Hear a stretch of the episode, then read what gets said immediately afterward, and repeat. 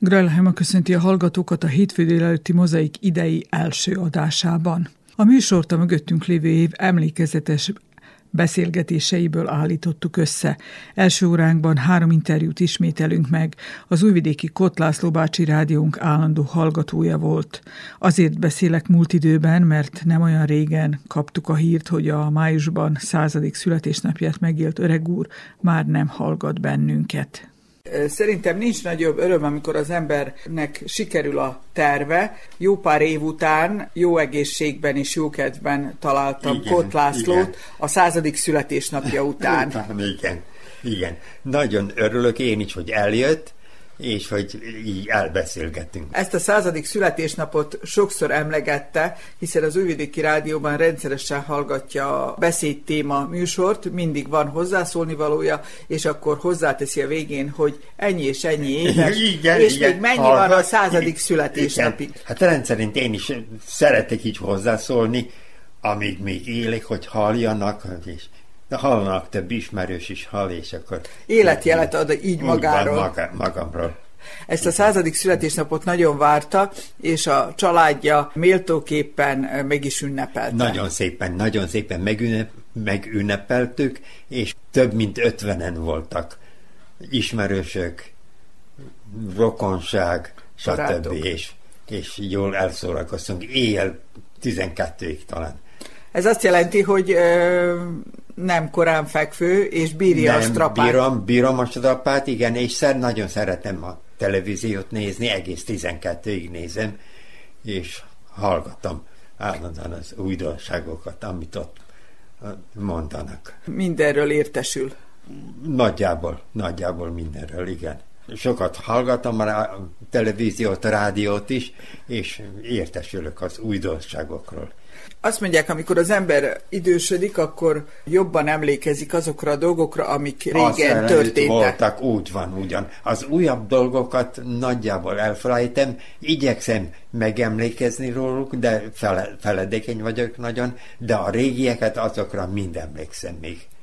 És akkor most, ha én megkérdezem a századik születésnapja után, hogy mi mindenre emlékszik az elmúlt egy évszázadból? Hát emlékszik, egész kicsi korom óta emlékszik arra az időre, Hát az majdnem, majdnem, majdnem száz év előtt e, e, előtt volt az.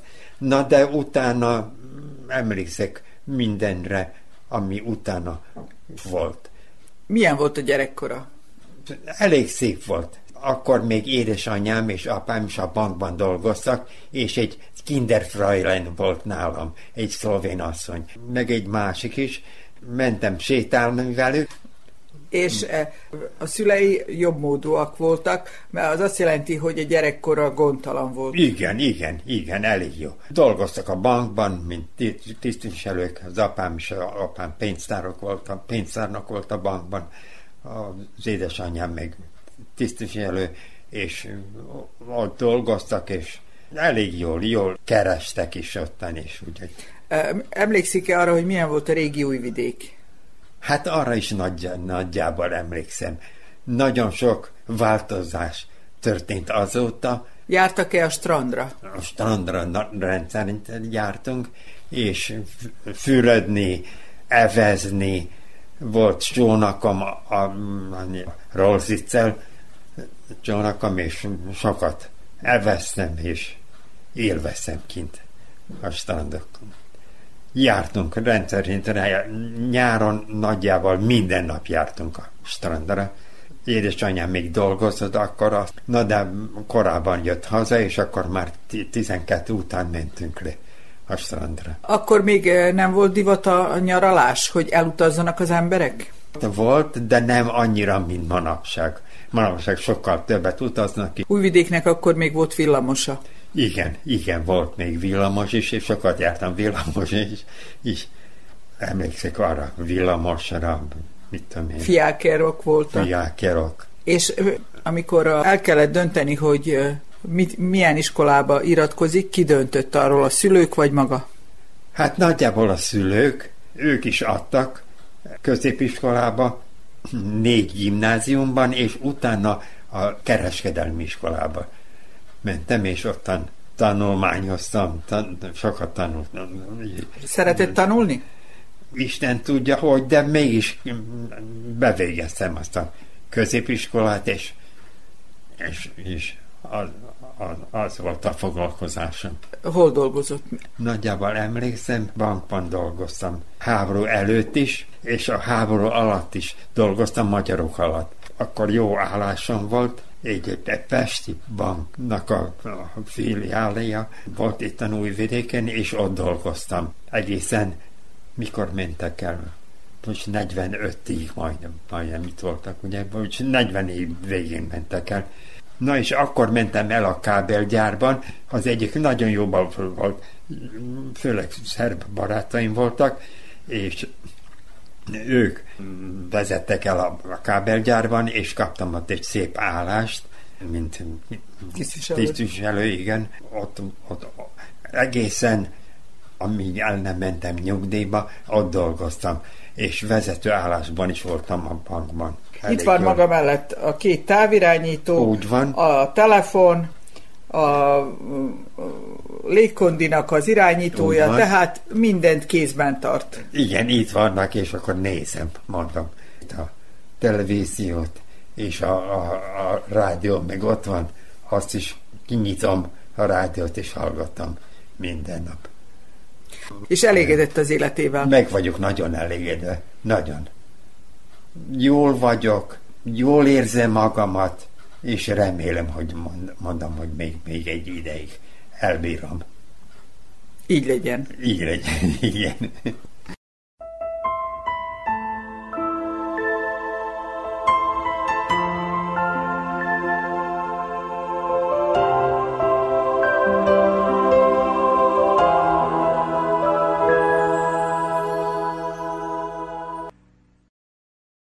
Kint süvít a szél, bent a szobában meleg van. A téma, hogy lehet ebben a télben élvezni a meleget. Tumbász Laketics Miklós kájhásmester jó pár kájhát megcsinált már a pályafutása során. Milyen sikerélmény az, amikor elvégez egy munkát és beüzemel egy kájhát? Egyik helybeli osztálytársnő mondta, neki egy kemencét építettem, hogy Miklós, ez is a te gyermek. Tehát, hogyha építek cserépkájhát, kemencét, téglakájhát, tehát mind az én gyermekem. Megkérdezik, hogy miért simogatom annyira, miért tisztítom. Építeni egy olyan tüzelőberendezést egy házba, amelyik otthon teremt, tehát a család körbeüli.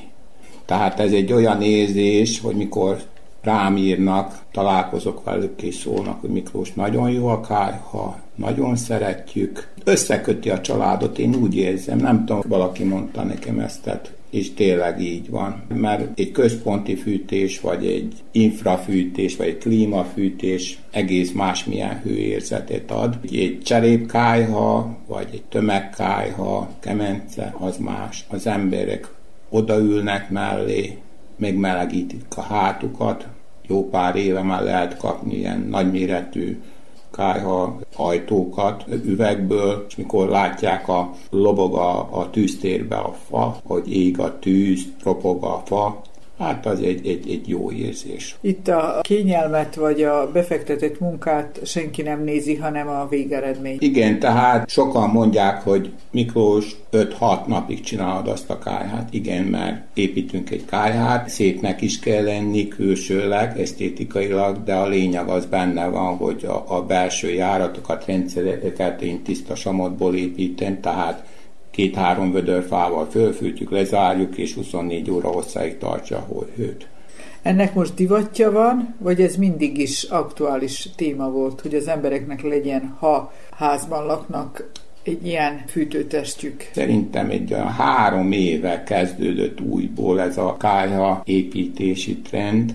Lehet, hogy sok köze van hozzá, hogy Magyarországon ez újból feljött, tehát új építési házakba is sőt kötelező is beépíteni egy, egy alternatív tüzelőberendezést, tehát hogyha nincs gáz, nincs villany, akkor mégis ne fagyjanak meg az emberek. Itt még nálunk nem kötelező, kéményre se kell engedélyt kérni, és nem kötelező az új házakba beépíteni tüzelőberendezést milyen esetre. Tehát trend lett. Egyrészt divatból, tehetősebbek, ők divatból, csináltam olyan kájhát is, hogy tüzel, tehát sokalta a villany, a gázt, és akkor építettem egy nagy, nagy kandallót. Oda jutunk, hogy vissza kell építeni őket, mert sose lehet tudni, hogy mikor nem lesz villanyunk vagy gázunk. Szerintem az emberek visszatérnek ehhez a tüzelő formához, mert, mert szerintem ez egész más hőérzetet ad, mint a központi fűtés, vagy a klíma, vagy a infra, meg ilyenek. A beszélgetés elején mondta, hogy minden egyes kájha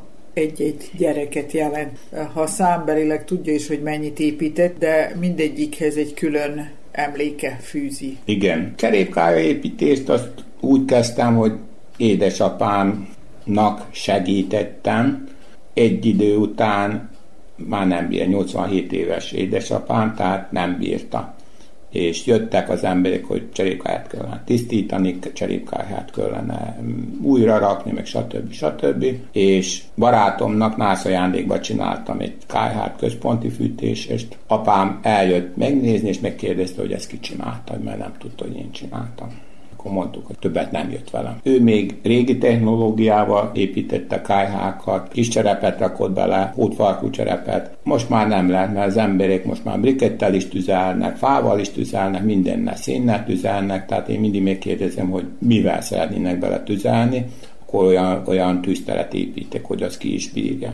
Sok felé jártam, sok felé dolgoztam, csaló köztük kezdve Horvátországban, Magyarországon, persze itt is. Kupuszinától kezdve Bánátba, Szerémsére, tehát minden irányba, ahol elhívnak, oda elmegyek és megépítem a kájhát. Buránsoron például egy 87 éves néni, aki tökös babanyicás tött nekem, vagy Topolyán, aki a kakaspörköltet főzte az udvaron, Bográsba. Hát igen, sok helyen dolgoztam, sok embernek csináltam káját. És a kakaspörkölt az a munka végén volt? Nem, néni főzött, mert minden nap, mert Topolya az itt van szomszédváros, és minden nap mentem, és meglepett, hogy mire odaértem, addigra már főtt a kakaspörkölt. Ehhez a munkához képzettsége is van. Pont akkor gondolta el, hogy elvégez egy ilyen képzést, amikor sokan leálltak a munkával jött a Covid. 2020-ban nem is tudtam, hogy mit csináljak. És akkor volt egy ilyen lehetőség, Esztergomba volt felnőtt képzés, kájhás és skandalépítő, kemenceépítő képzés, és neki fogtam.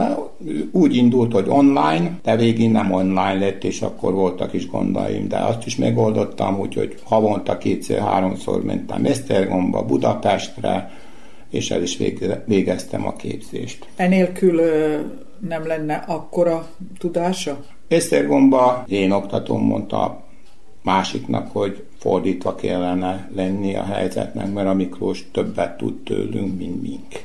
Tehát a gyakorlati tudása megvolt? A gyakorlati tudásom megvolt, de azért ott is például kandallót sohasem építettem, és azt is megtanultam. Voltak olyan dolgok, amit mondjuk rá mink nem is használunk, nem is tudunk tehát ki kell számolni a húzatot a KH-nak, mekkora szükséges, mekkora hőt tud leadni, tűztérrel, nagyság. Eddig építettem a kájhákat, csak nem tudtam megmagyarázni, hogy na, miért is működik úgy. Tehát most már meg tudom ma- magyarázni, hogy még kell így, vagy még kell úgy, és hány kilowattot ad egy helyiségben, mind kiszámoljuk, hogy egy csempe egy légköbmétert ad, de most már ki lehet számolni azt is, hogy hány kilowattos KH-t építek. Tehát e, tanultam. Főleg ilyen kéményépítés is volt, tehát azt is elvégeztem. Kéményeket is építették, de főleg ezt azért csináltam még, mert Magyarországon nyilatkozatot kell írni, mikor az ember elvégzi a KH, tehát én garanciát vállalok azért a, a KH-é, nem csak Magyarországon, itthon is, ez nélkül nem írhatom alá a, a nyilatkozatot, hogy én építettem a káját. Nyugodtabb vagyok, mert csak van egy papír, amit elismernek az egész Európai Unióba. Volt is már fölkérésem idén, hogy Németországba építsek, Sparet. Nagymaroson építettem, és meglátták a kájhámat, és nekik csináljak ugyanolyat Németországban, mert tetszett. Tehát ahova elhívnak, elmegyek, megépítem. És lesz Németországban tűzhely a tumbászmester keze nyomán? Nem is tudom hány kilométer, 800 kilométer, de hát nem gond, én eddig még elmentem mindenhova. Voltam Dubajba, és mindjárt kérdezték, hogy kájhát építesz. Hát nem. Ott, ott, ott nem bírtam. Ott, ott nem bírtam, de szeretek elmenni olyan helyekre, ahol nem jártam még, mert az ember tulajdonképpen embereknek dolgozik, tehát bárhol járok, most a Kárpát-medencébe beszélek, járok a Mátrába, akkor bemegyek Pásztóra, vagy Abasáron, vagy Felsőszölnök például, ott a osztrák-szlovén, magyar hármas határ. Tehát bármerre járok, tulajdonképpen bárhol meg tudok állni, egy picit pihenni, beszélgetni és sokan nem is értik azt, hogy Miklós, hogy van neked arra időt, hogy elmész, és akkor, akkor, akkor beszélgetsz, meg minden. Megcsináljuk a kájhát, és akkor elmegyünk. Ha mondom, én embereknek építem azt a kájhát. Azt a kájhát fogják nézni 10-15-20 évig. Szeretem megismerni az embereket, mert ilyen vagyok. Ahol baj van a kommunikációval, nem is szoktam elvállalni tulajdonképpen, mert érzem, hogy nem jó valami, valami gond lesz, inkább nem is vállalom el.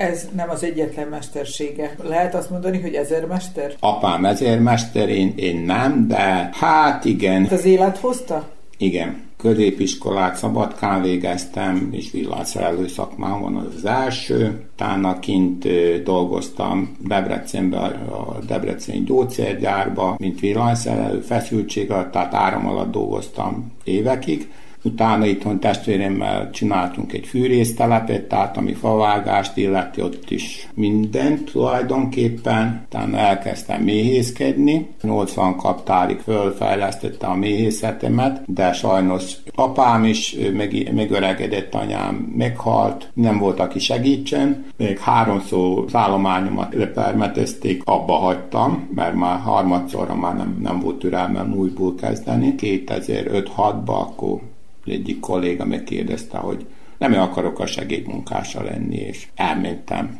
csempészni. Én attól precízebb embert nem ismerek, most Tirolba dolgozik, tehát amit meg lehetett tanulni, én azt megtanultam tőle. Nem szégyeltem elmenni segédmunkásnak, végig már én szabtam, én csináltam mindent, azóta már egy pár fürdőszobát is megcsináltam, de valahogy nem az én anyagom ez a, ez a, ez a csemperagasztó, az én anyagom az a sárga főd, a pélva, a svábtébla, a kis cserép, pár száz éves csempék, kájha csempék, ez, a, ez az én anyagom. Sokan megkérdezték már, hogy Miklós, te nem használsz kanalat, mert mindent csak a kézzelkenyed. És akkor olyan szoktam mondani, négerek is megcsinálják az afrikai benszülöttek a sárbuházat kézzel, és nem használnak semmit, akkor én is meg tudom csinálni. És a legjobb sár merre van? A legjobb sár az a kishegyes és főd, a gyógyító. Tumbász Loketics Miklós kishegyesi kájhásmestert hallottuk. thank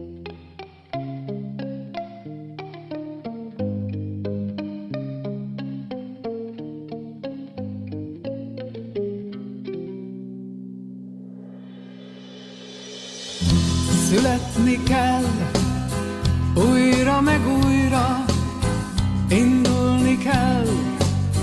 A háborúba, és harcolni kell, meghalni és szeretni még nem elég.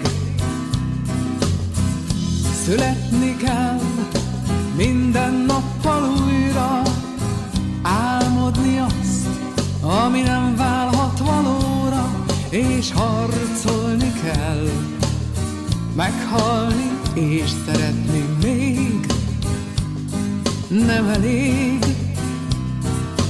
Ég és föld között repülj velem, vezess át az életem, napot fes a szürke holdra. Ég és föld között repülj velem, Vezess át az életem, vigyél át a túlsó partra, igen. Csak körbe-körbe forog velem, ami egyszer volt, újra lesz. Csak körbe-körbe forog velem, de álmodj tovább, kedvesem.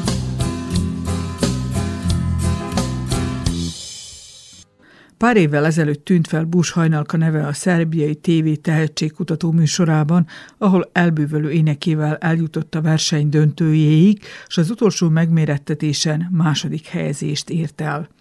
A tavalyi év folyamán felkerestem, érdeklődtem, mi történik vele mostanában. Tíz év elmúltával kíváncsiak vagyunk arra, hogy bushajnalkával mi történt tíz év alatt, és hol tart most, hol van most? Hol tartok? Hát sehol. Végül is, ami a zenei dolgokat illeti sehol, mert itt nem kapott visszhangot az én jelenlétem, az, hogy én innen való vagyok, hogy szerencsét próbáltam, és nagy port vertem, az egyáltalán nem rázott fel senki, nem akartak már velem foglalkozni, volt egy pár sikertelen fellépésem, 10-10 pár óra hossza munka után mentem el föllépni emberekkel, akiket soha nem láttam.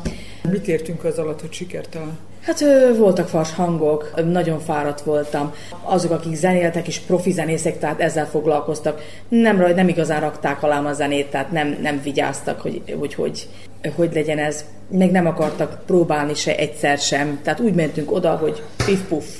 És akkor egy olyan dolog nem sikerülhet. Nem találtam igazi pártfogóra, és kellett volna kellett volna. Nem voltam mindennapi figura, azzal a megjelenésemmel, a, a, az én beszédemmel, meg, a, meg az, azzal a zenei műfajjal, amit elő, amivel előálltam, tehát nem voltam mindennapi figura és a Susan Boiler hasonlítottak össze, ami, ami nem állja, mert őt felfedezték, és lemezeket adott ki.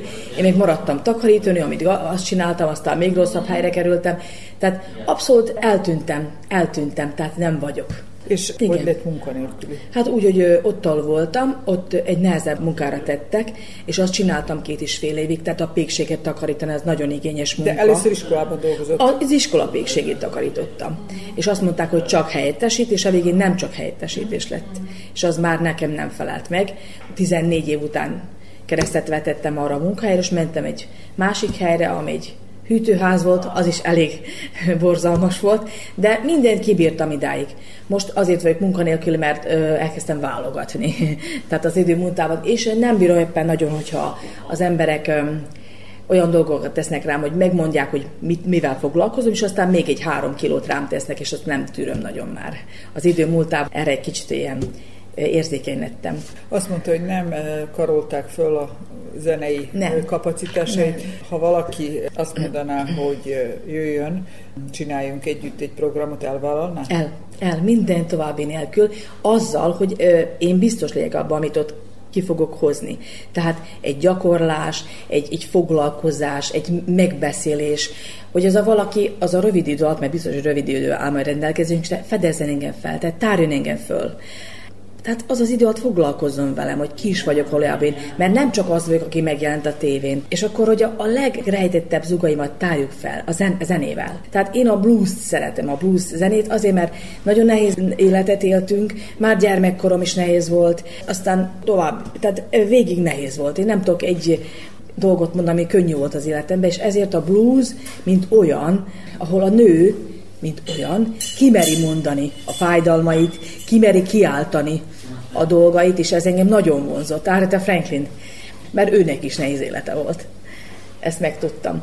És ez nagyon vonzott engem, és írtam is egy blues-t, írtam egy, egy zenét, az a címe, hogy Look at me, Look at me, nézzél rám, és egy fiatal lány, egy szerelmes lány, aki teherbe esik, és akkor a párja persze magára hagyja, és akkor ő az ő kis világával, az ő rombadölt emócióival küzdve, éneklem azt el.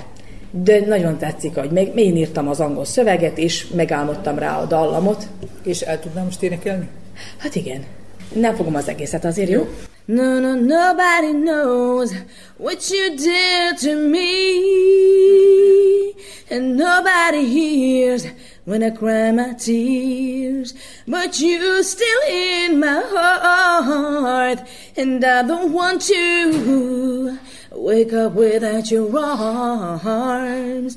Oh, look at me, what you done to me. I'm standing here in front of you, unhelpless, with your child in me. Oh, look at me, what you done to me. You go away and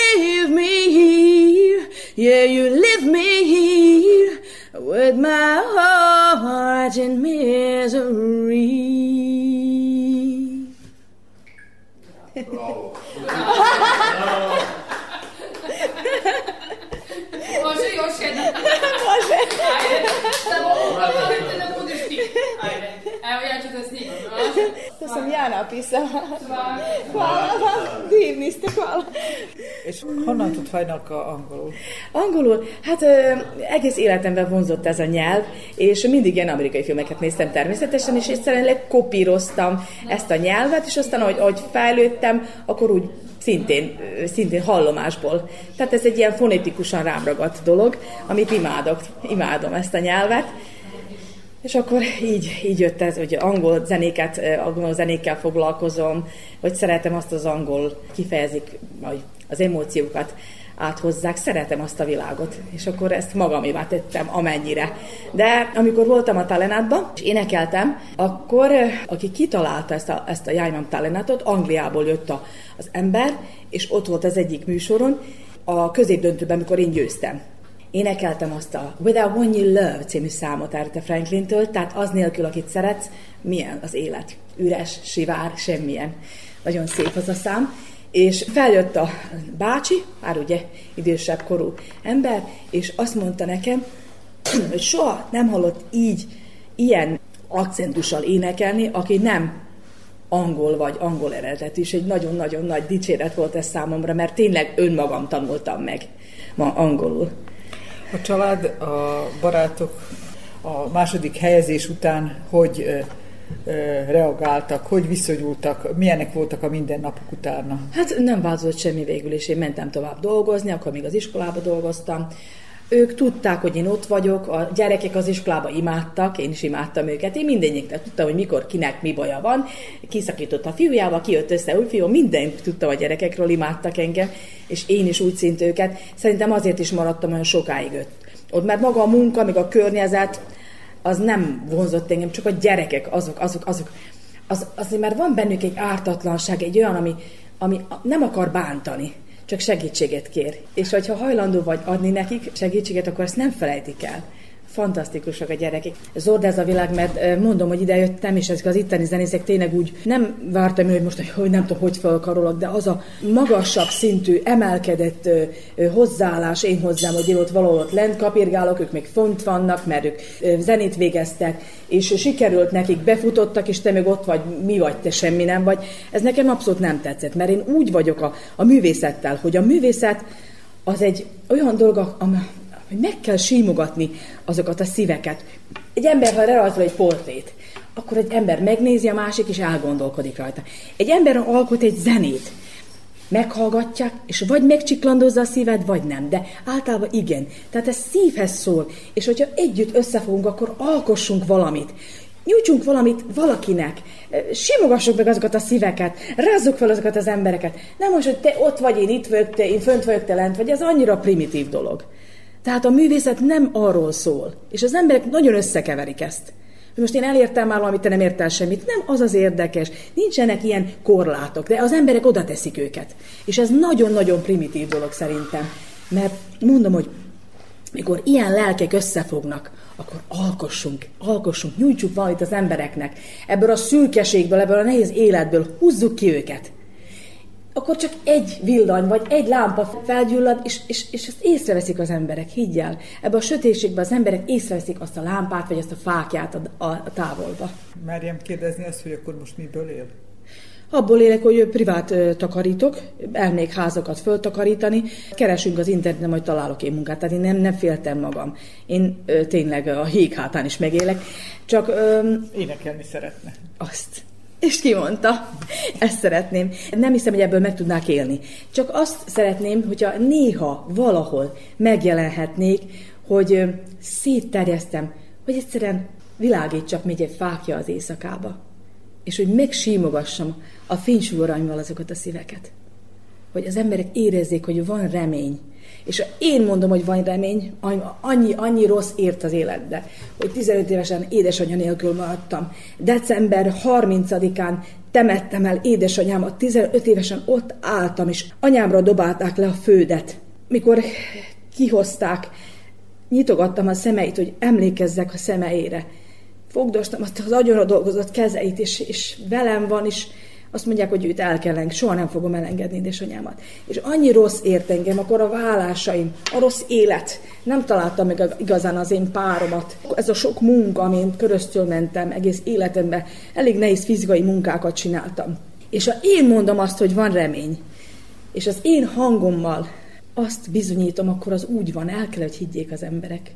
Sokszor az ember szó nélkül is beszél, csak énekelnék.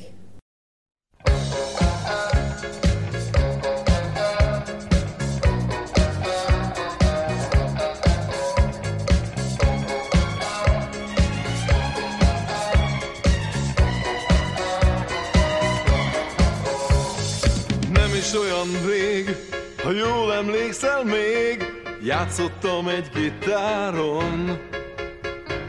Neked szólt a dal De jött egy nagy vihar És eltörött a gitárom. Az élet ment tovább És néhány jó barát Veled együtt segített. Született egy dal Mely senkit sem zavar Talán te is megérted most itt vagy velem, újra együtt, igen, a dal is újra neked szól. Most itt vagy velem, szól is meg a kezem, szól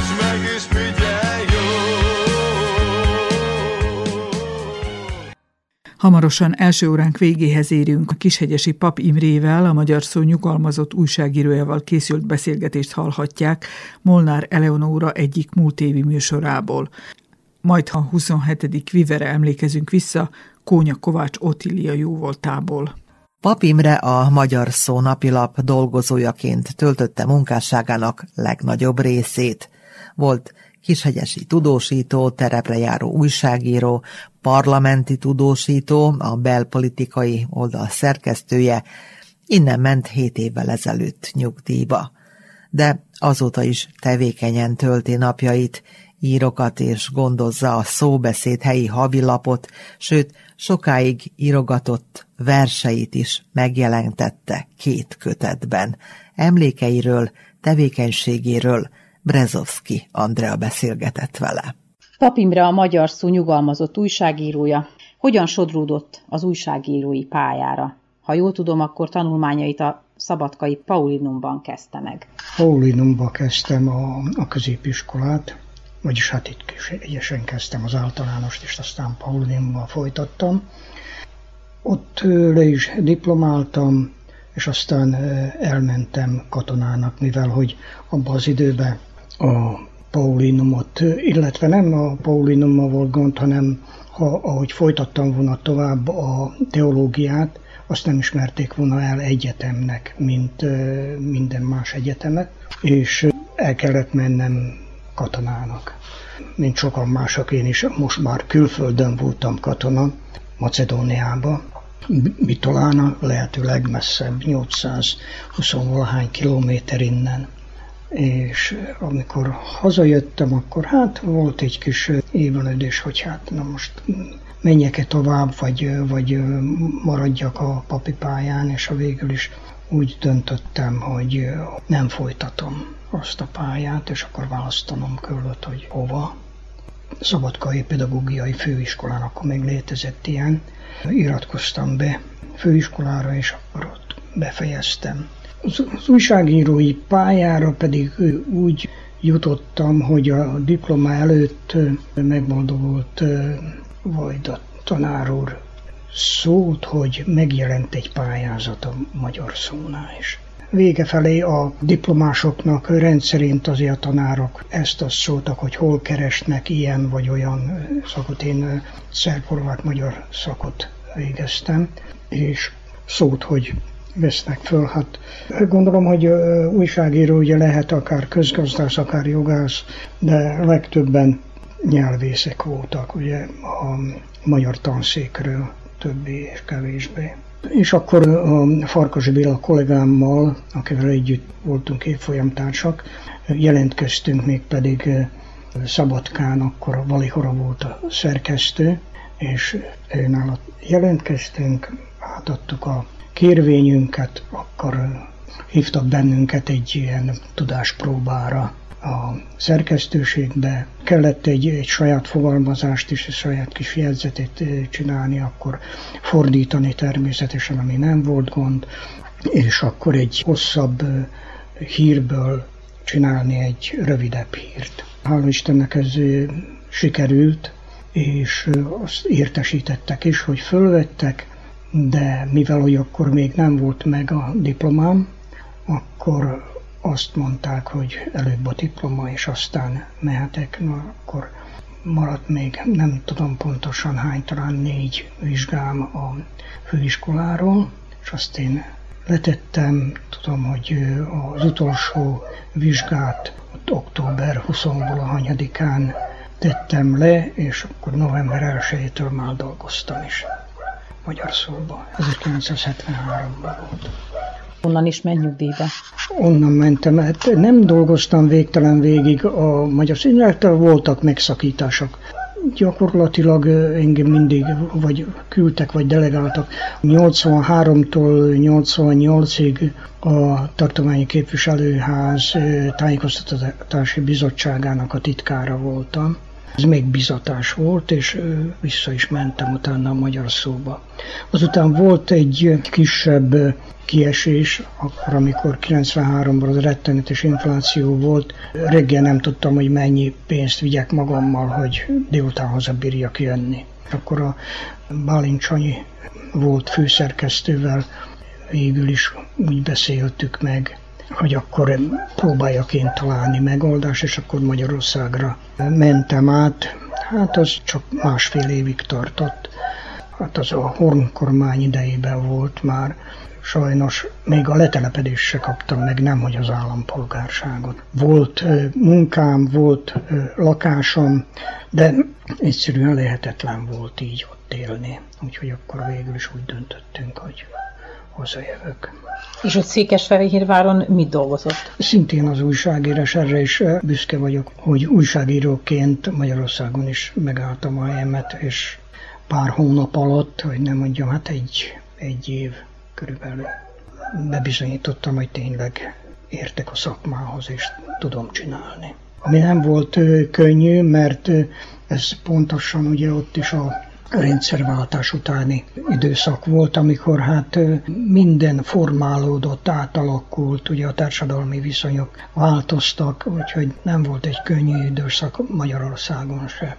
Visszaút pedig úgy volt, hogy tényleg nem úgy mentem el, hogy becsaptam magam mögött a, az ajtót, és hogy összevesztem mindenkivel, akivel csak lehetett, mert volt ilyen repélda a szerkesztőségben is és hát állandó kapcsolatban voltunk, az időnként fölhívtam őket, ők is hívtak, és akkor egyik alkalommal, a, akkor még mindig a Báláncsányi volt a főszerkesztő, akkor megemlítette, hogy nem akarnék visszajönni. És akkor én még vártam ugye a, a hivatalos választ, hogy mit döntenek a letelepedési ügybe. Sajnos elutasították, és akkor gyakorlatilag nem utasították el, nem, hanem azt mondták, hogy az új szerint csináljam végig még egyszer. Erre viszont nekem már nem volt kedvem. Többi között például azt, hogy bizonyítsam a magyar eredetemet. Hát mondom, erre aztán meg végképp nem tudok mit mondani. Úgyhogy hát végül is itt kötöttem ki Kishegyesen. Utána még Újvidéken évekig szerkesztettem a belpolitikát, be nagyon zűrös időben. Egyébként a legzűrösebb időkben szerkesztettem a, a belpolitikát, mégpedig 90 be és 91-be, amikor ezek a jogurtforradalmi dolgok történtek Újvidéken, és aztán 96-tól még három évig, ha jól tudom, de akkor már nagyon kemény, ugye háborús idő volt, sajnos Boszniában akkor még mindig mentek a harcok. A legnehezebb időszak az, az kétség kívül ez a két időszak volt, amikor nem csak magamé kellett felelősséget vállalnom, hanem, hanem mások írásaiért is, és az természetesen első helyen mindig a főszerkesztő, de az én fejem is könnyen rámehetett volna, hogyha begyűrűzik valami. nagy szarvasiba. A legnehezebb időszakról szólt. Mi volt a legszebb időszak, amit a magyar szónál töltött? Melyik volt a legszebb időszak? Talán ott kezdetbe, amikor fölvettek újságírónak, és akkor nagyon gyorsan kineveztek belgrádi tudósítónak. Ez ugye más szóval, más újságoknál ezt úgy hívják, ugye, hogy parlamenti tudósító ugye, amelyik egy külön rang, egy külön olyan tapasztalatot követelő munka, ami, ami nekem sajnos nem volt meg, és ezt, ezt mind időközben nekem mind meg kellett tanulnom szép munka volt, jó munka volt, ugye bejáráson volt minden szövetségi szervbe, kormányba, képviselőházba, annak idején ugye a pártházba, ez rengeteg kapcsolatot eredményezett, ezt én tudtam hasznosítani.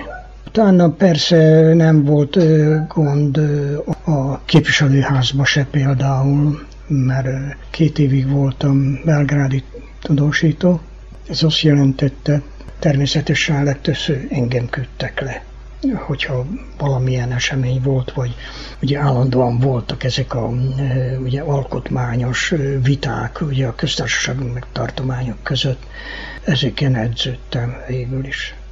Sokat volt távol a családjától. Hát, ezt elég sokat tényleg a gyerekek, hogy megszülettek, sajnos gyakran előfordult, hogy, hogy reggel, amikor elmentem, akkor még aludtak, este, mikor hazaértem, már rég aludtak. Milyen hangulat volt a szerkesztőségbe? Idézze fel. A szerkesztőségbe az az igazság, hogy mindig jó hangulat volt.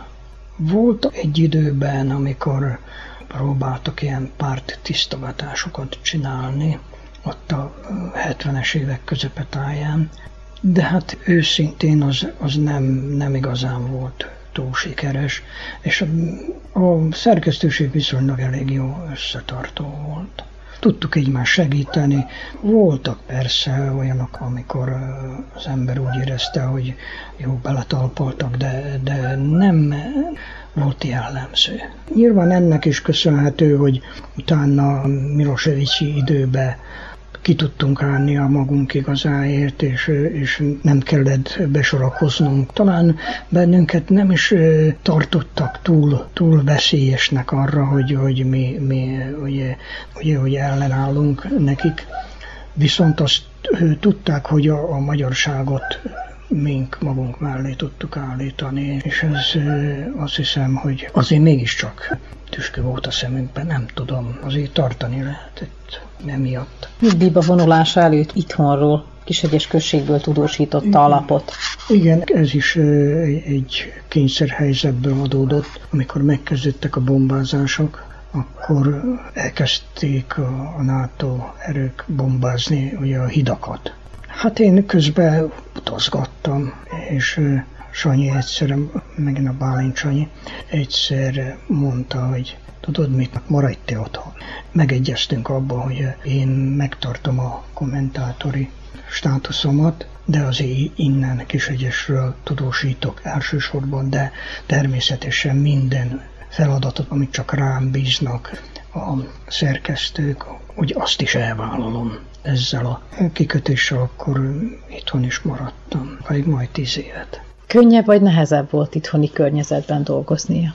Hát én nem is tudom. A, az az igazság, hogy a saját hazájában ugye nehéz a profétának. Azért itt is meg kellett harcolnom azért, hogy elismerjék a munkámat. Napi szinten eh, hegyesről tájékoztatás nem volt addig, amíg én el nem kezdtem ezt.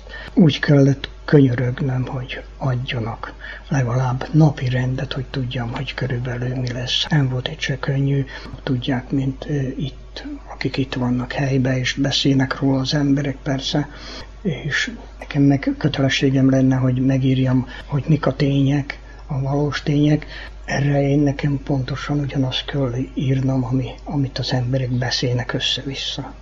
Soha sem gondolta, hogy átigazol a nyomtatott sajtótól esetleg a rádióhoz vagy a tévéhez? Őszintén szólva nem.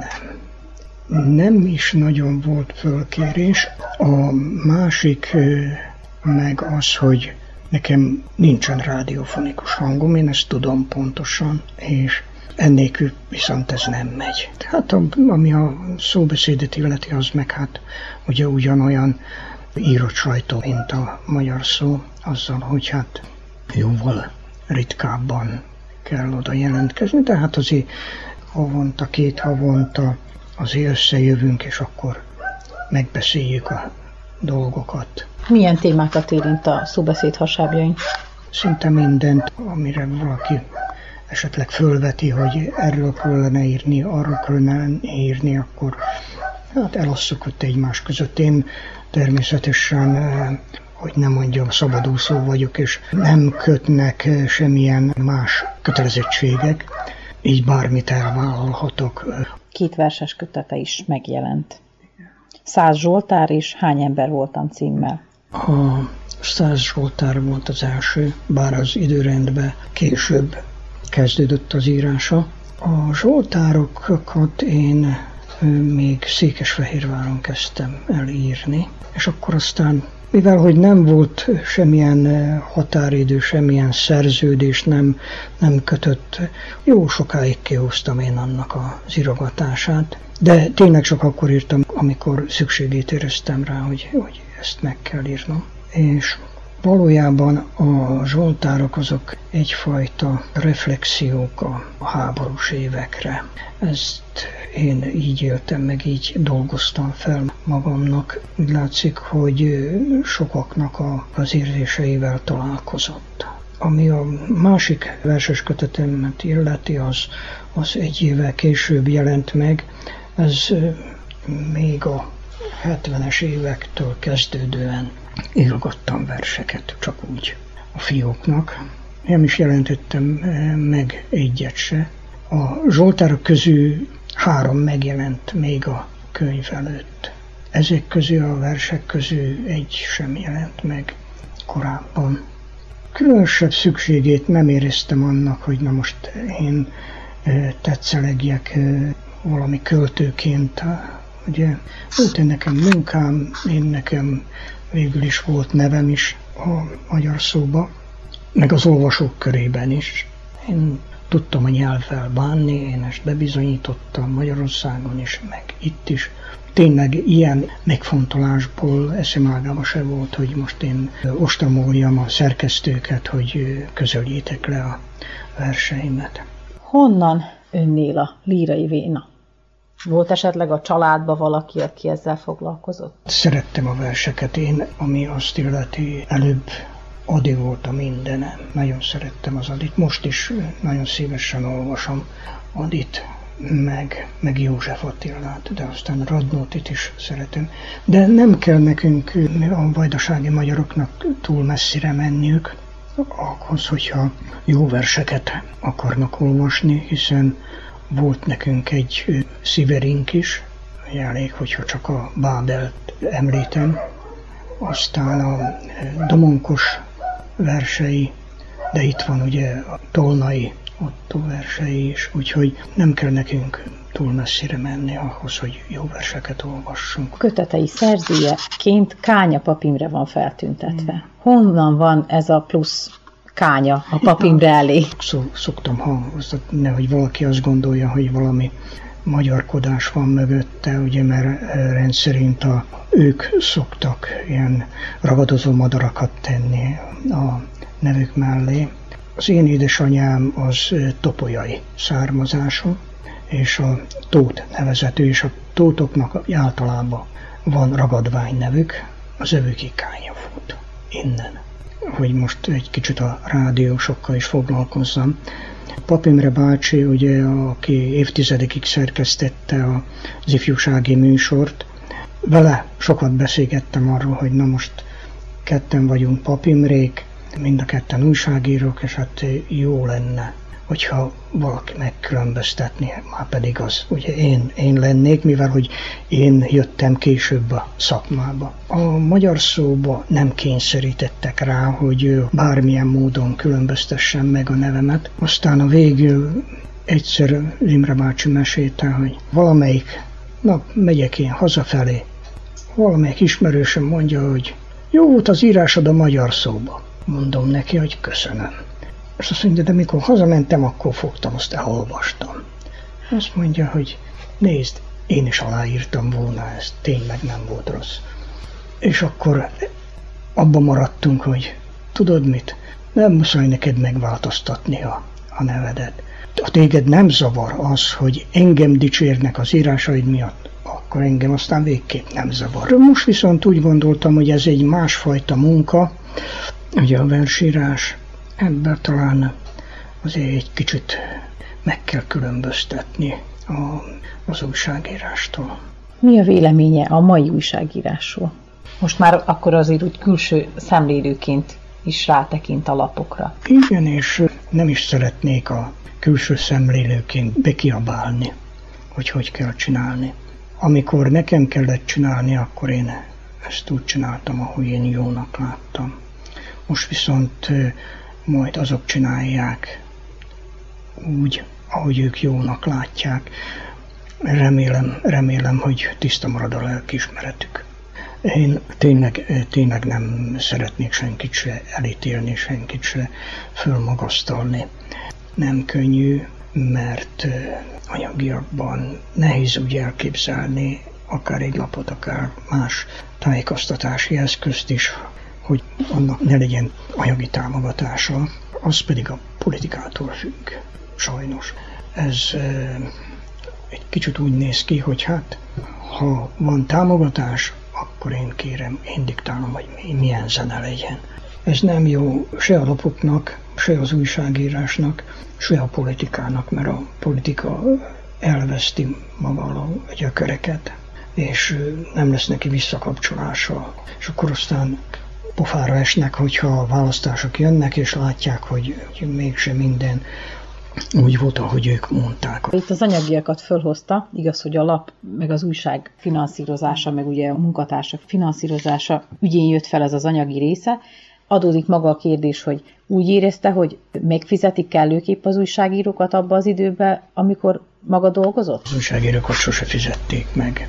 Ha elolvasod Gabriel Márqueznek a, azért élek, hogy megírjam az életemet, az pontosan az újságírásról szól. Na, ő ugyanezekről a dolgokról mesél, hogy abból megélni, amit ő újságíróként keresett, az lehetetlenség. Említette itt a beszélgetés során, hogy 7 éve nyugdíjas.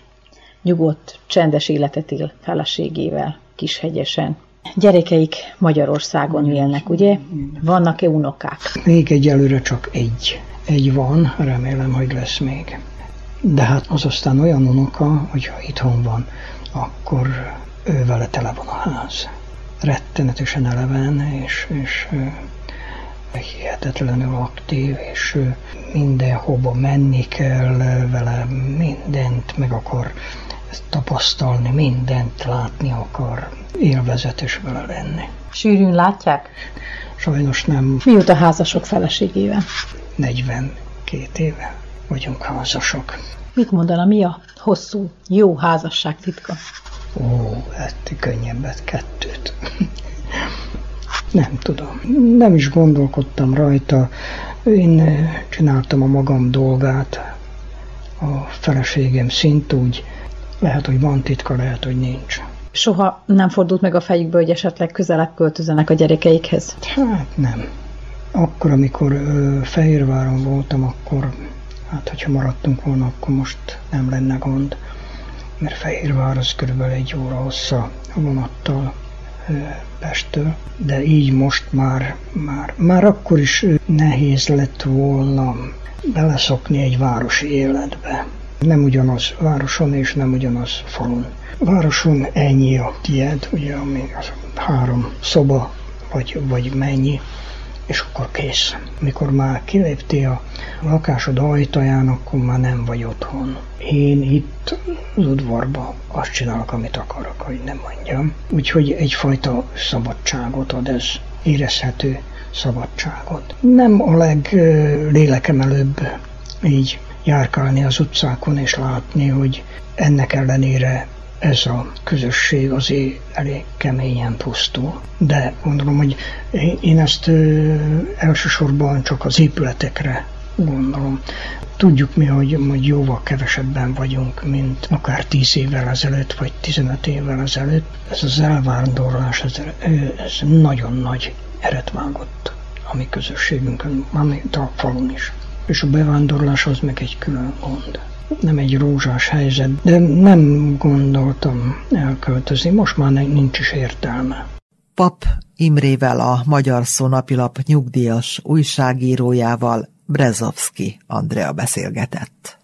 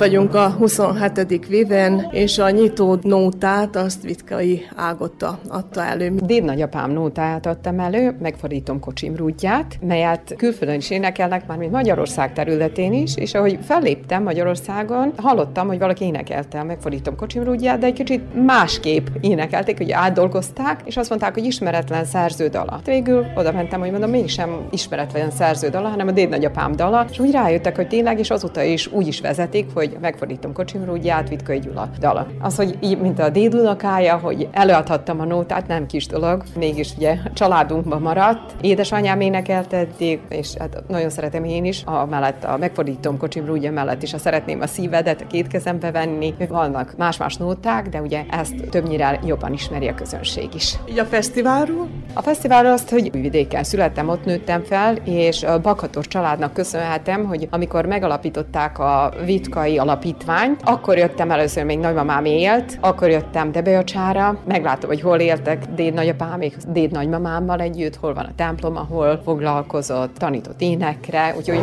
most látom, hogy mi mindent csinált, még itt élt, úgyhogy nem csak organistánként, kántorként, hanem operetteket is tanított, korust is vezetett, azt is alapított, nótákat írt fel, mint etnomuzikológus, úgyhogy sok mindent megtudtam én is akkor, hogy a déd nagyapám édes testvér Árpád, ő festő volt, és hát mondom a nagymamám is, aki végül akkor jöttem rá, hogy honnan örökölte ezeket a talentumokat, mert ő is nótákat írt, és szövegeket írt hozzá. Osterman Emma magyar csernyéről tér ide-vissza évről évre a vívére, de szeretném, hogyha elmondaná, hogy mit jelent önnek ez a fellépési lehetőség, egyáltalán ez a verseny, és persze azt is szeretném, ha elmondaná, hogy most mi mindennel lép föl, mit hallhat majd öntől a közönség. A debellácsiak jól ismernek, valóban 25 éve ide járok, szinte minden riportom alkalmával azt mondom, és ebbe a pillanatban is arra hivatkozom, hogy a nóta, a dal az egy lelki gyógyír, illetve nekem is azt jelenti, hiszen valahol az ember megtalálja önmagát, kiadja magából a dal szépségét, ráhat a közönségre, a mosoly oda-vissza működik, és igazából szeretem a vidám dalokat, de nagyon-nagyon szeretem a szép hallgatónótákat is. Így történt az, hogy az idén is meghívást kaptam ide Debellácsa már jó idejében, aztán persze, hogy igent mondtam rögtön, hogyha az Isten segít, akkor persze, hogy jövök, és eljöttem, itt vagyok. Ahogy öregszem, kicsit izgulósabb vagyok, viszont nagyon örülök, hogy az idén a az új dalok előadásán, tehát az első részbe ma este eltalolhatom azt a szívemből jövő dalt, amelynek szövegét, tehát versét én magam írtam. Méghozzá az életem értelme most már a párommal együtt nyugdíjasokként minden reményünk és szeretetünk az unokáink felé irányul. Gyönyörű négy unokánk van, van egy kis virágom, egy kis szívem, egy kis hercegem és egy kis bogárkám. Így nevezzük őket, és nekik írtam egy ilyen dalt, amely úgy sikeredett, hogy először, mintha az első verszakban egyhez szólna, viszont a második verszak már úgy egybe veszi mind a négyőjüket. Ez lesz a repertoárom, tehát ezt a dalt megzenésítette a Pecskereki Mezei Simóna. Most föllépési lehetőségek, úgy tudom, hogy itt a környéken néhány helyszínre szoktak örömmel elmenni, meghívást kapnak minden alkalommal. Ma Debellácson vagyok, tegnap Szajánban voltunk egy nagyon szép ünnepi délutánon. A Magyar Csernyei őszi rózsa asszonykórusommal léptünk föl. Na most ez is egy nagyon nagy öröm volt számunkra, hiszen nem adatik már azok a lehetőségek, az a lehetőség, hogy az ember bemutatkozom, mint például 15-20 évvel ezelőtt a kikindai betyáró fiatalokkal, a hajnal együttessel. Bánáti, bácskai falukat jártunk, nagy tömegek a színházterembe. Megtörtént például Szentmihályon, hogy még hozták magukkal az emberek a székeket, és hogy biztosan legyen nekik helyük, ez egy nagyon emlékezetes est volt. Nagyon-nagyon sok tapsot kaptunk, nagyon sok helyen fölléptünk. Sajnos mostanságra az asszony kórusomban van olyan elképzelés, illetve reményem, hogy talán még ilyen helyi, illetve környékbeli megmozdulásokon, falunapokon, vagy nem tudom én milyen kalácsfesztivál, ilyen-olyan fesztiválok, tehát hagyomány őrzők által megrendezett ünnepségeken, hogy fellépésre meghívást kapunk, és nagyon nagy örömmel megyünk. Egyébként a magyar nota ápolás sajnos az nagyon lemaradt, nem csak az elvándorlás, inkább a fiatalságnak a visszahúzódása, viszont én magam is most három évbe, nem büszkeségképpen, de elmondhatom, hogy Magyar Csernyén is rendezek magyar nótaestet, és örülnek és jóformán mondhatom, hogy az itt szerzett, Debellácson szerzett amatőr nótaen énekes barátaim, barátnőim nagyon-nagyon szívesen eljönnek Magyar Csernyire. Én nagyon szeretnék buzdítani, nagyon sok fiatal fiatalt, hogy énekeljenek, tanulják a nótákat, hiszen egy regruta bál, vagy akármilyen bál, legyen az akármilyen szüreti bál, hogy tudjanak énekelni, hogy, hogy akarjanak szép nótákat, ne az elcsépelt, nagyon hangos, dáridós, gyors dalem, hanem szépen mulatni, vagy szépen énekelni. Ez a lényeg, ez kellene. Kitől örökölte ezt a szeretetet egyáltalán a magyar nóta iránt? Hát volt kitől, ugyanis apai nagymamám, az nagyon büszke volt, az első unokának születtem be a házba, és hát nagyon pici koromba, hiszen még alig a pólyából kikerültem, így mesélték, nagyon sokat táncoltatott, énekelt nekem, aztán amikor olyan, hát kis nagylán, pubertáskorba kerültem, annyi szép nótát tanultam tőle, megkaptam az első magnós fölvételezős rádió magnómat, aztán arra fölvettem olyan dalokat a nagymamámtól, aki nagyon örömmel ráénekel, boldogság volt neki, és az Isten úgy hozta, hogy sok-sok év után, amikor a CD-m kiadása került, akkor az ő nótáiból, emlékezve az ő szép nótáiból, hallgatónótákból választottam a CD-mre dalokat, mert úgy éreztem, hogy ezt nem szabad kihagynom. Szúnyog Tibor, Debellácsi, Torontálvásárhelyi fellépő, itt otthon szerepelsz, de viszont már ismernek. Régóta, kezdetek óta javivén, ugye fel is lépsz, aktív tagja vagy ennek a fesztiválnak, sőt most úgy tudom, hogy már nem is első alkalommal, ugye saját szerzeményed is van, most is egy ilyen hangzik majd el, de szeretném, hogyha elmondanád, hogy neked mit jelent a Vive. A Vive első naptól itt vagyok, tulajdonképpen az egyik megalapítója, az egy megindítő az fesztiválnak. A Vive velem él benne vagyok, érzem, hogy hiányzik, hogy nem vagyok itt. Imádom a magyar nótát, és talán azért is azon vagyok, hogy ez a fesztivál révén úgy szülessenek magyar nóták, új énekesek, és így lehet fenntartani itt az itten magyarságunkat,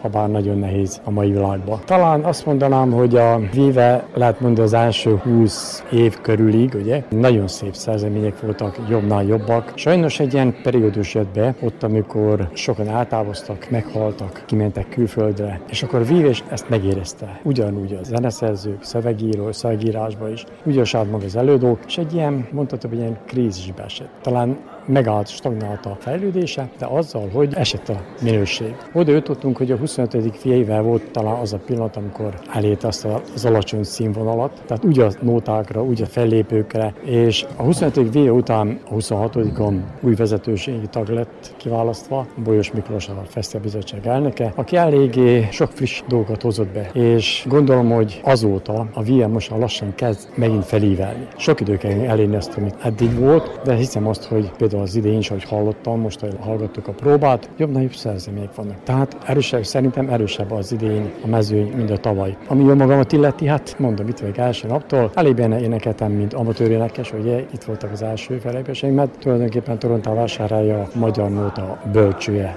boldogságba ezt. Ha akarjuk, hanem ezt be kell vallani. Mind fellépő, később megpróbálkoztam, mind zenét írtam, ha bár nem játszok semmi hangszerén, és utána a szöveggel, és akkor most az idén is saját szerzeményemet adom elő. Hát most, amit a jó Istened. Az a lényeg, hogy előadjam azt a nótát úgy, ahogy kell, úgy, hogy én érzem. És aztán most a közönség döntse, meg a zsűr döntsen. De hát a lényeg az, hogy szívből énekelni egy nótát, továbbadni a gondolatot, az érzést, mert szerintem magyar nóta az egy olyan, mint a szavallás. Tehát elmondja az ember a gondolatát, az érzelmét, és saját önmagát adja ki a közönség, tárja ki magát közönség elé a gondolatait. Nem majd most egyik gondol, másik gondol, tehát a saját magam életemet próbálom lefogalmazni, leírni dióhéjba, és akkor aztán így születik a magyar nóta. Mivel nem vagyok zeneszerző, ezt úgy csinálom, hogy szöveget megírom, és akkor próbálgatok dúdolgatni, énekelgetni, és akkor ezt felveszem a telefonon keresztül, ugye most a mai világban. Elmegyek egy zeneszakos vagy zenetanárhoz, megkérem, hogy kottázza le, és akkor így megy az egész. Gőz László Temerinből is visszatérő itt a Viven, most mivel szerepel? Épp most idejövett gondolkodtam el, hogy 23 évvel ezelőtt léptem fel először ezen a színpadon, mint versenyző, amatőrénekes, és akkor azt hiszem, hogy már azonnal az első alkalommal elvittem a harmadik helyezést és a közönségdíjat, Mónika pedig akkor lett első, és azon, tehát attól a ponttól kezdve nekem a Vive az benne van az évi naptáramban, tehát jövünk, amikor hívnak, és akkor elkezdtük kapni az új nótákat. Következő évben rá két évre, öt év múlva, hét év múlva, és az új nótákkal versenyeztünk. Tehát a nóták versenyeztek, nem mi. Ellenben volt olyan díj anno, hogy előadói díj. És azt is sikerült két alkalommal ugye hazavinnem, mert jól állt a, a szám, jól állt a nóta, jól előadtam, és ezt a zsűri díjazta. Volt, amikor csárdas duettokat is nyertünk, azt is két alkalommal Mónikával, azok is új szerzemények voltak, tehát csárdas duettokat. Többször elnyertük az első díjat azzal, és úgyhogy ide mindig öröm jönni. Milyen érzés az, amikor új zeneszerzeménnyel kerül szembe az ember? Hát azok nehezen maradnak meg a közönség fülében. Vannak, akiknek a fejükben marad egy csárdás, mondjuk egy lakodalom után, vagy egy előadás után, de azok ismert dalok már, ugye? Több éve léteznek. Az új szerzeményekkel pedig pont ez a gond, hogyha nem készül róla felvétel, akkor azt nem tudja a rádióállomás sugározni, és aztán úgy, most itt elhangzik a Viven, megtanultuk, ugye, az elmúlt hónapban gyakoroltuk nagyon sokat, nekem most egy magyar nótám van ma estére, új szöveg, új dallam, azt mi most előadjuk, és aztán véget. Tehát nem születik róla emlék. Azelőtt születtek CD-k, felvételek az újvidéki rádióban, és azt közvetítette is a rádió sokáig. Így maradna fenn szerintem a nóta, az új szerzemény. Viszont most ez egy nehezebb út, hogy nem marad róla emlék. De viszont, hogyha olyan nagyon fülbe mászó kis dalok születnek, és főleg ugye olyanok írják ezeket a nótákat, dalokat, akik szövegírók, dalszerzők, akik maguk is belekóstoltak ebbe az éneklésbe, akkor nyilván, hogy valami csak elhangzik, mondjuk Temerinben elhangzik, Csókán elhangzik, imittamot, vagy nincs ilyenre példa? Erre sajnos nincs példa, mert a zeneszerző, aki írja az új dalt, az a dolga, hogy megírja ezt a dalt. Ő nem menedzser, ő nem stúdiófelvételező, aki ezt mondjuk felvenni az énekessel. A szövegíró úgy szintén, ők nem ezzel foglalkoznak. Ők kiadtak egy anyagot, és az a mi dolgunk, hogy elénekeljük, a zenekarnak az a dolga, hogy ma este elmuzsikálja, a zsűrinek az a dolga, hogy ezt osztályozza. Viszont későbbre kéne egy menedzser, vagy egy felvétel, hogy ezek a nóták fennmaradjanak, nem csak papíron, és nem csak egy videófelvételen, hogy ez a mai este ez megtörtént, elhangzott, hanem a későbbi generációk számára is. Hiszen ezek között tényleg vannak jó nóták, jó csárdások, frissesek, tehát akad egy-egy viven az új százemények között igazi gyöngyszem is. Csak sajnos ez van, amit említettem. Nekem ez nagyon fáj, de nem mi tehetünk róla énekesek sajnos. Meg nem is a Vive szervező bizottsága, hanem nem tudom. Erős Mónika Temerinből visszatérő föllépője a Vivenek. Most mit ad elő? Egy hallgatót kaptam. Nem lepett meg a dolog, mivel általában ugye hallgatót kapok. Amikor nem Lászlóval tesznek duettba csádásként, akkor hallgató jár nekem. Hát elvállaltam szívesen, mint mindig, bármikor máskor. Ez egy új szerzemény. Milyennek tűnik? Új szerzemény, és nekem igen megható, mivel ugye édesapámról szól a nóta, és édesapámat elvesztettem, és igen, igen megható. Hát igyekszem ezt most kicsit túltenni a dolgokon, és úgy elénekelni, ahogy kell. Hány fiatal is lép föl? Amatőr énekesek, mert ugye így mondjuk őket, ők öten vannak. Valamikor, amikor én indultam, voltunk néha 25-en, 30-an. Tehát akkor, amikor indult a Vive. Most abban reménykedem, hogy ez valahol majd felújul, vagy, vagy nem tudom, csak hiszek benne. Igazából túl fiatalon ezt nem, nem lehet, mert a magyar nótát érezni kell. Ugye a fiatalok ezt még nem érzik, a szövegét át kell élni, meg kell ahhoz érni az embernek, hogy ezt megértse, hogy ezt elő tudja adni. De valahol én még, amikor kezdtem gyerekkoromban, én még kezdőként tanultam, és idő kellett, hogy ráérezzek, hogy ez miről szól. És úgy gondolom, arra gondolok, hogy a fiatalokat kicsit tanítani kell, addig még rá nem éreznek, mert én ezt tapasztaltam, én ezt éltem át. Morvai Melinda is fellép ma este konkrétan milyen dalcsokorral, vagy milyen nótával? A fesztiválnak idén is két része van. Az egyik részben fölépnek az amatőr énekesek, ők régi dalokat énekelnek, illetve jól ismert dalokat énekelnek. A fesztiválnak a második részében viszont az új dalokat mutatjuk be, tehát ez azt jelenti, hogy van zeneszerző, van szövegíró, és akkor megvan, hogy tehát a Fesztivál Bizottság eldöntötte, hogy ki melyik dalt énekeli. Én konkrétan idén Szabodékán Zsófi zeneszerző, illetve tehát ő írta a zenét a dalra, a Színes Eszter szövege, Lenged ez az őszi szellő, az a dal cím, címe. Hát a gála részében meg olyan dalokat fogok énekelni, ami nagyon jól ismert a közönségnek. Most így a jó előbb arról faggattam a föllépők egy részét, hogy hol van lehetőség ugye bemutatkozásra, és hát úgy tudom, hogy Temerinben is mostanság, vagy már lehet, hogy régebb ideje van ilyen föllépési lehetőség, amikor tényleg ugye a nóta kedvelők élvezhetik a szebbnél szebb nótákat, dalokat. Itt arról van szó, hogy mi az énekes társainkkal nagyon sokszor megyünk énekelni.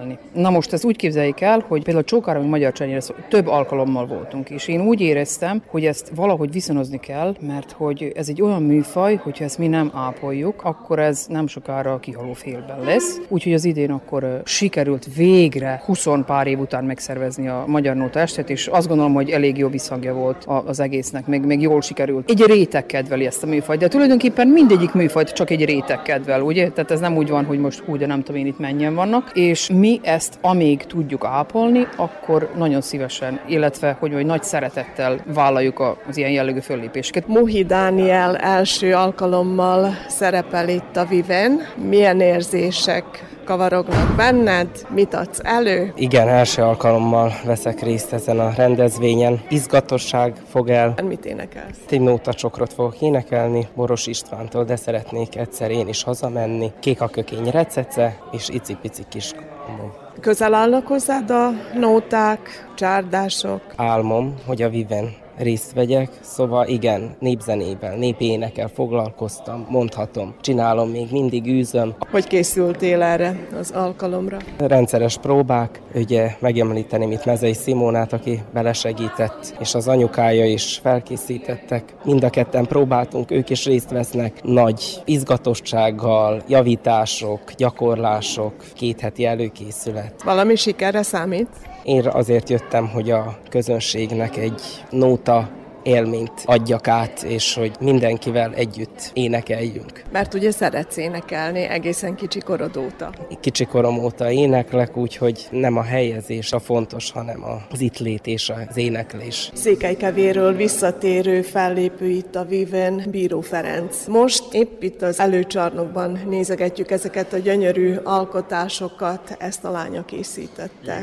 Egy ilyen alkalmi kiállításra is sor kerül itt. Lányom képjei, ceruza oldalval rajzol, és megkértek, hogy ha lehet, akkor csinálni egy kiállítást. És megkértem, ő meg szívesen viszonyozni, és áldoztam a képeket, szeretettel hoztam. Most mivel fog föllépni? Kaptam egy új számot, és azt elénekelni másiknek, aztán Biszak Júliától te voltál nekem az első. Kicsit nehéz nóta, de boldog vagyok azért, mert hirtelen falva hozzám közel van, székelykávei vagyok, és akkor megpróbálom, hogy, hogy hát ha férfi hangból én még nem hallottam csináltam ezt, és hát remélem sikerül. Mióta is énekel? Amióta tudom magamot, de különben én valamikor az ifjúságban nagyon sokat énekeltem, slágerokat írtam és nótákat, és nagyon szép slágerokat írtam, akkoriban hit volt székelykávé, mindenki táncolt, és soha nem örökítettem meg, és nekem ez, ez a vágyam soha nem fog bételjesülni, székelyesen és emvel üres marad az életem. De amúgy, amúgy hogyha belé gondolok, örülök, hogy még ne 70 éves koromban és bírok itt segíteni, eljönni tanulgatni ide-oda, és amíg bírom még magamot,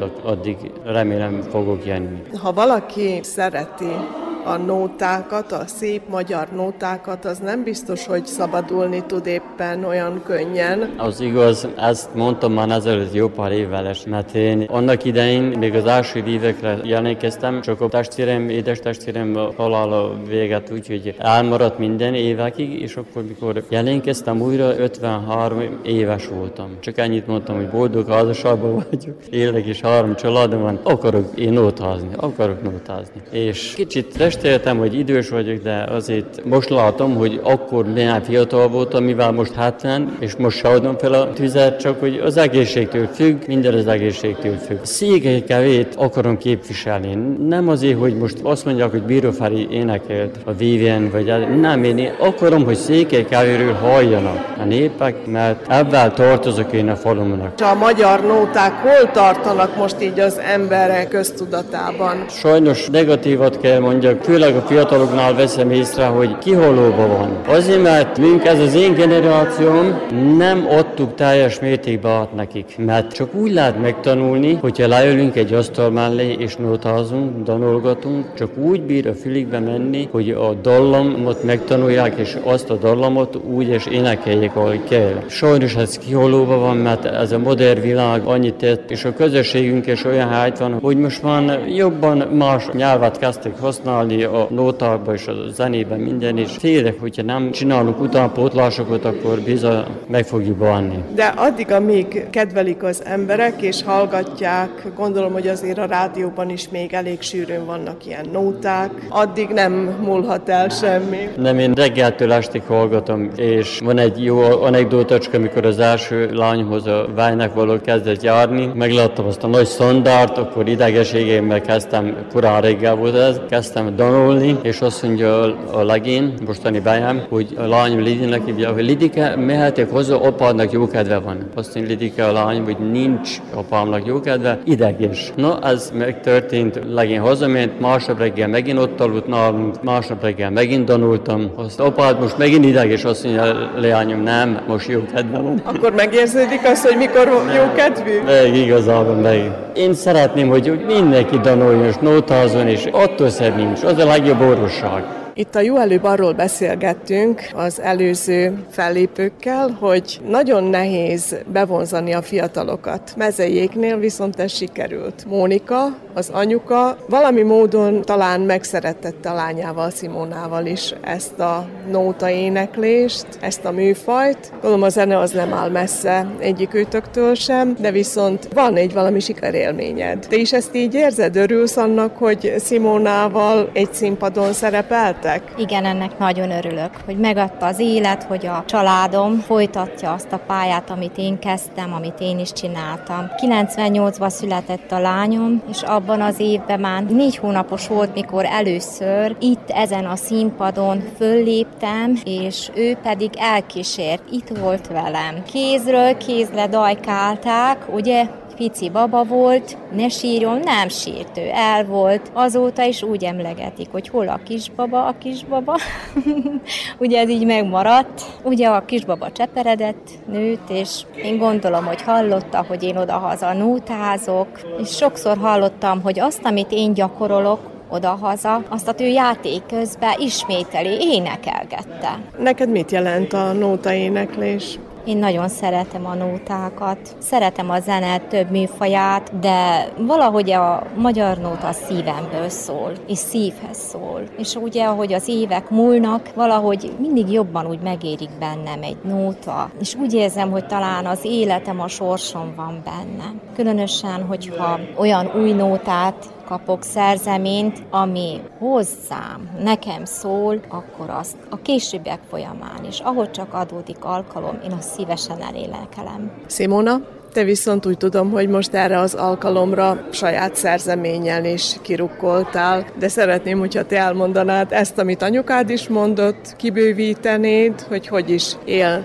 benned a nóta. Talán egy emlékkel szeretnék így kezdeni. Amikor kicsi voltam, mindig anyukámat hallgattam énekelni. Talán még más gyerekeknek az anyukája ugye altató dalokat énekelt. Hát én ugye ezeket hallottam, ezen nőttem fel. Aztán szerintem nem volt messze ez a műfaj már tőlem. Nyilván ez egy komolyabb műfaj, amihez még érnem kell, idősödnöm kell, hogy teljes mértékben át tudjam érni. Viszont azt hiszem, hogy egy kis ismeretre tettem szert, és akkor megpróbálkoztam, hogy egy új szerzeményt írjak, ebből kettő lett később, és nagyon örülök, hogy két nagyon kedves hölgy kért fel erre, hogy megírjam ezeket a szerzeményeket. Oszterman Emma unokáiról énekel, az is egy nagyon szép és szívhez szóló szöveg volt, egy vers, amit úgymond megzenésítettem, és Eszti néni, aki egy anyukámmal egy duett duettet tervezett, és végül hát sikerült, azt kell mondanom, hogy, hogy sikerült. És nagyon várom már, hogy anyukámmal ezt elő tudjam adni, és hogy együtt lépjünk színpadra duettben. Máskor is volt ilyenre példa? Ez egy most ilyen egyedi alkalom lesz, szerintem így a, a Vive színpadán is, de hát szerintem így a, az életünkben is.